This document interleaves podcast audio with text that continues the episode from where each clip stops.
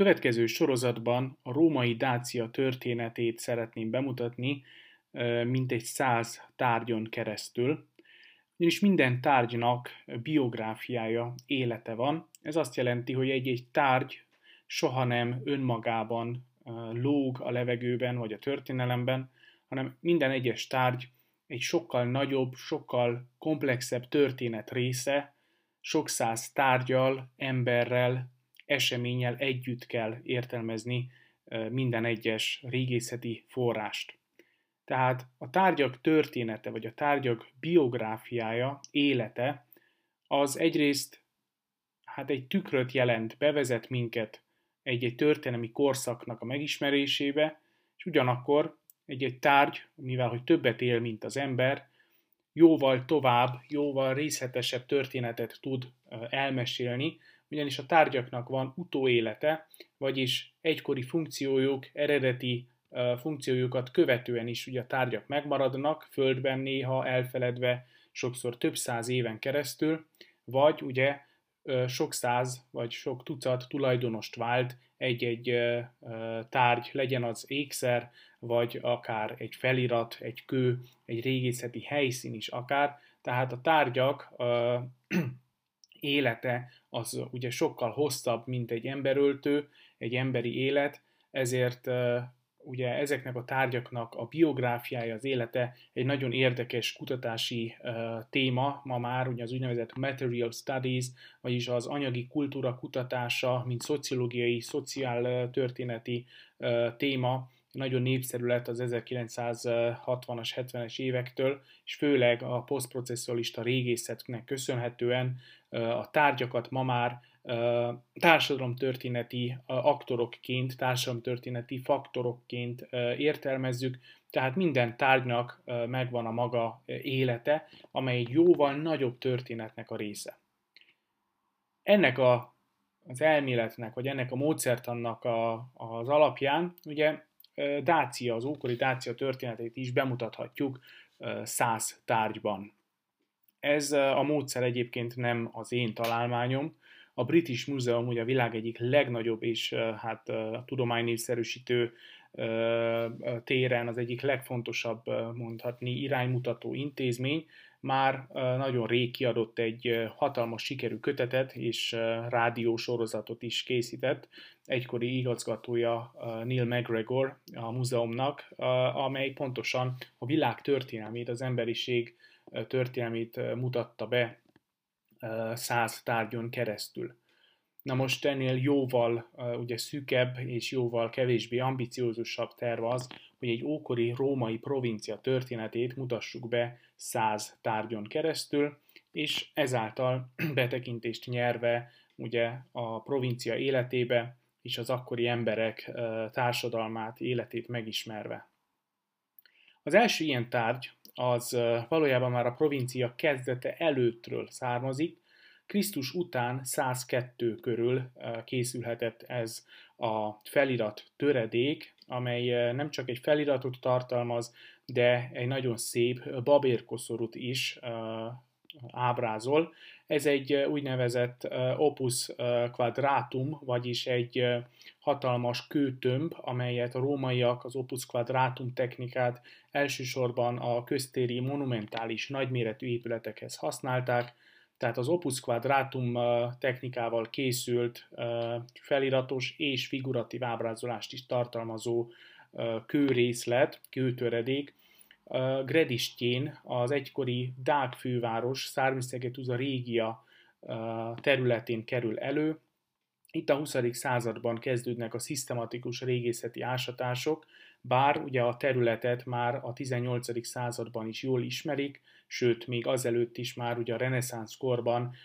rendkívül fontos éremleletek és kincsleletek kerülnek itt elő, tehát a köztudatban ez a terület, ez a régészeti helyszín nagyon jól ismert volt már,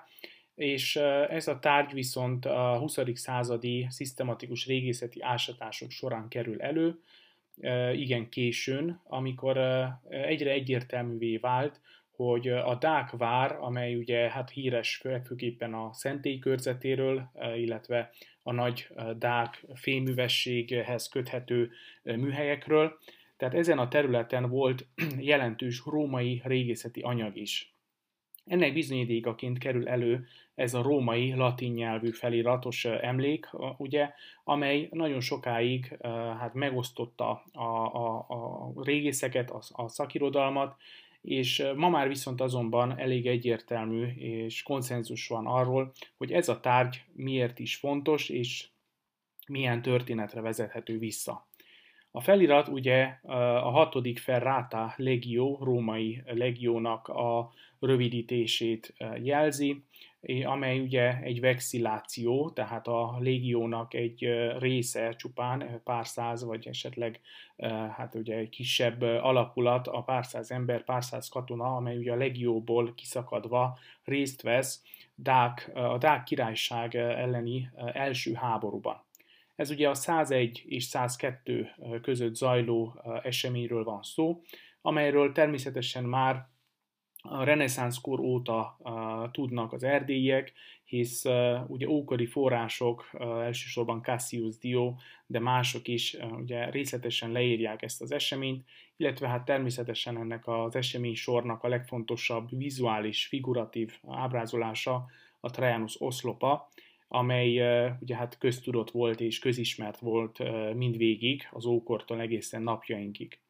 Tehát magáról a háborúról, a, arról, hogy Krisztus után 101 és 102 között a rómaiak és a dákok harcolnak, háborúznak, az egy köztudott esemény volt, gyakorlatilag nincs szakadék a köztudatban, a kollektív mentalitásban, az ókortól napjainkig ez a háború közismert volt. Azonban ennek a háborúnak a pontos részletei, illetve csatái, stratégiai pontjai, a római hadsereg előrevonulása, tehát a háborúnak a részletei, az sajnos nagyon nehéz volt rekonstruálni. Egyrészt azért, mert nagyon kevés az irodalmi forrás, Trajanus császárnak ugye a hadi naplója, amelyet ő maga írt, elveszett, ennek csak a címét ismerjük, és egyetlen egy sort, amelyet egy későbbi szerző idéz ebből a hadinaplóból, tehát az irodalmi források szükössége és a régészeti forrásoknak a hát probléma, problematikus jellege okozta a, a legfőbb fejtörést a régészeknek, hogy hogyan is tudjuk rekonstruálni ezt a két évet a, Dák és a római háborúkból.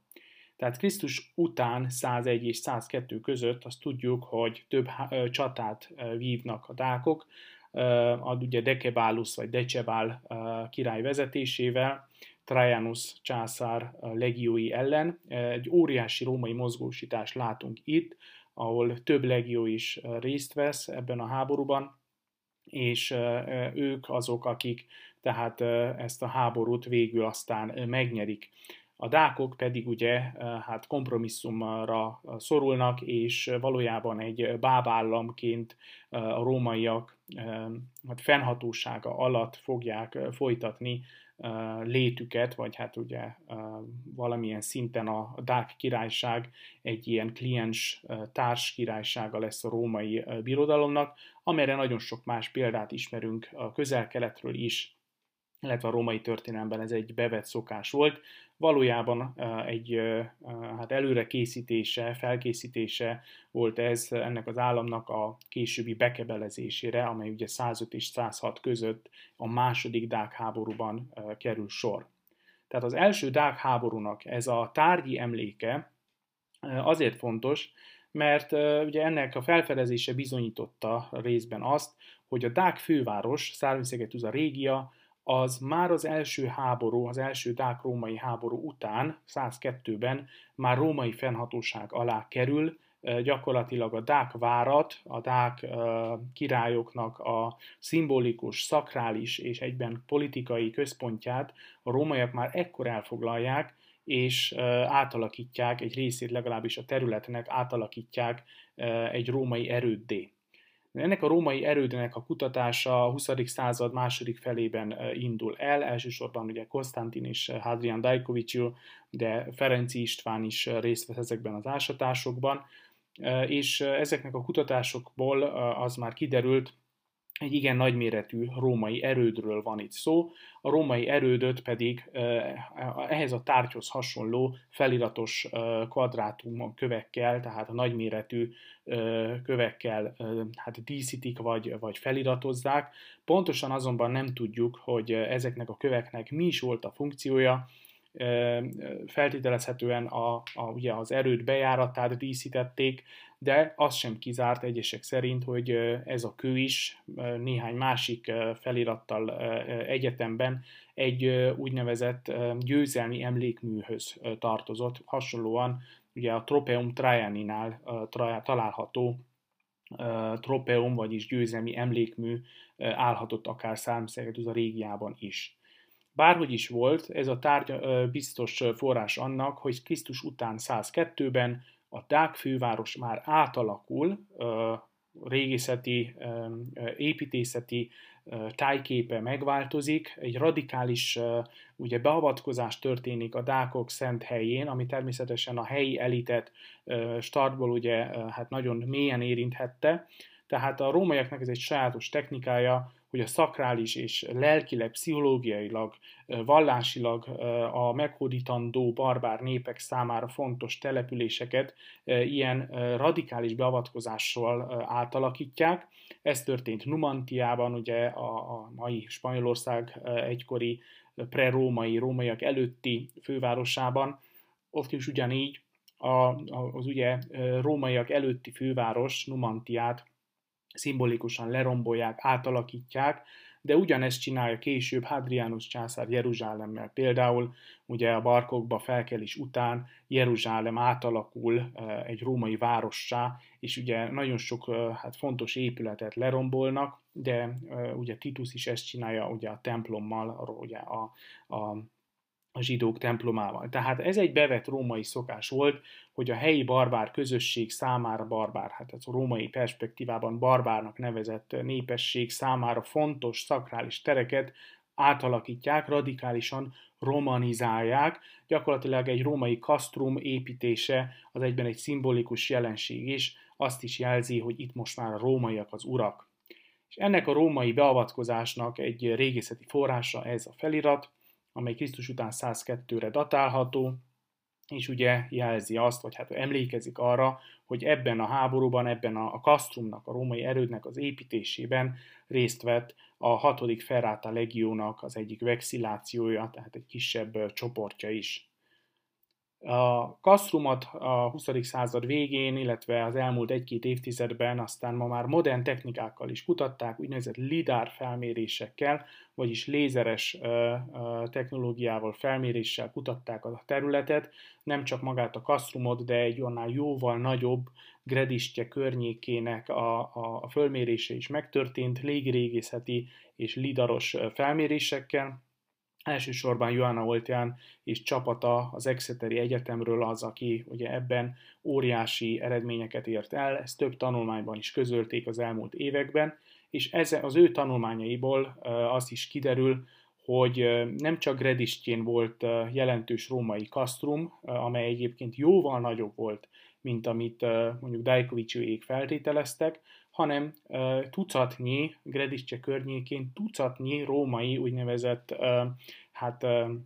időszaki erőd vagy menetelő erőd található, olyan kicsi római erődök, amelyek a hadsereg mozgását, a hadsereg idéglenes szálláshelyét biztosította